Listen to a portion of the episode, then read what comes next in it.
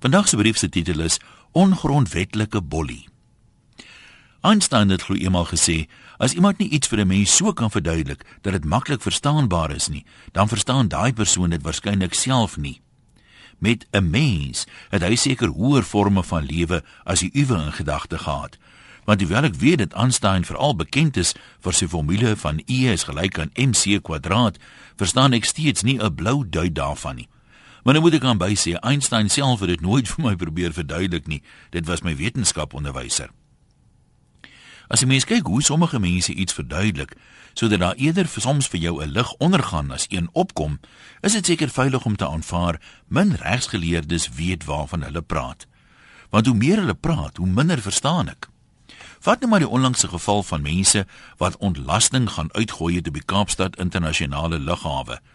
Ongelukkige die mense ook nie verduidelik hoe vlugtende passasiers met sakdoeke voor hulle neuse nou gaan bydra om die mobiele toilette wat hulle so vernederend vind op te gradeer tot spoeltoilette nie. Ek sal nogal regtig graag wil weet. Maar toe beland die spulletjie nou in die hof en die regsgeleerde vriende tree tot die stryd toe. Ek hoor in die nuus die staatsaanklaer vra dat borg geweier word omdat dit ongrondwetlik is om bollie te gooi.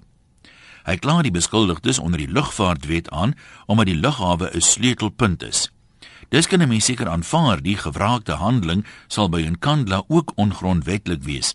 Maar wat nou van ander lughawens soos byvoorbeeld Waterkloof?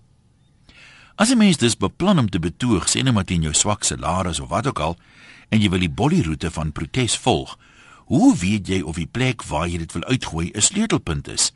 Die sleutelpunte word nog geheim gehou seker om te verhoed dat iemand die sleutel steel en onregmatige toegang verkry. Maar aan die ander kant kan enige een mos daarom nou lughawe toe gaan, mits jy sekere onwelriekende bagasie nie daar uitgooi nie. Maar kom ons aanvaar vir die oomblik saam met ons geleerde vriend dat bollygooi wel oral ongrondwetlik is. Dan kan ek help om te wonder hoekom dit dan nou nodig was om goeie maniere in die grondwet te verskans nie.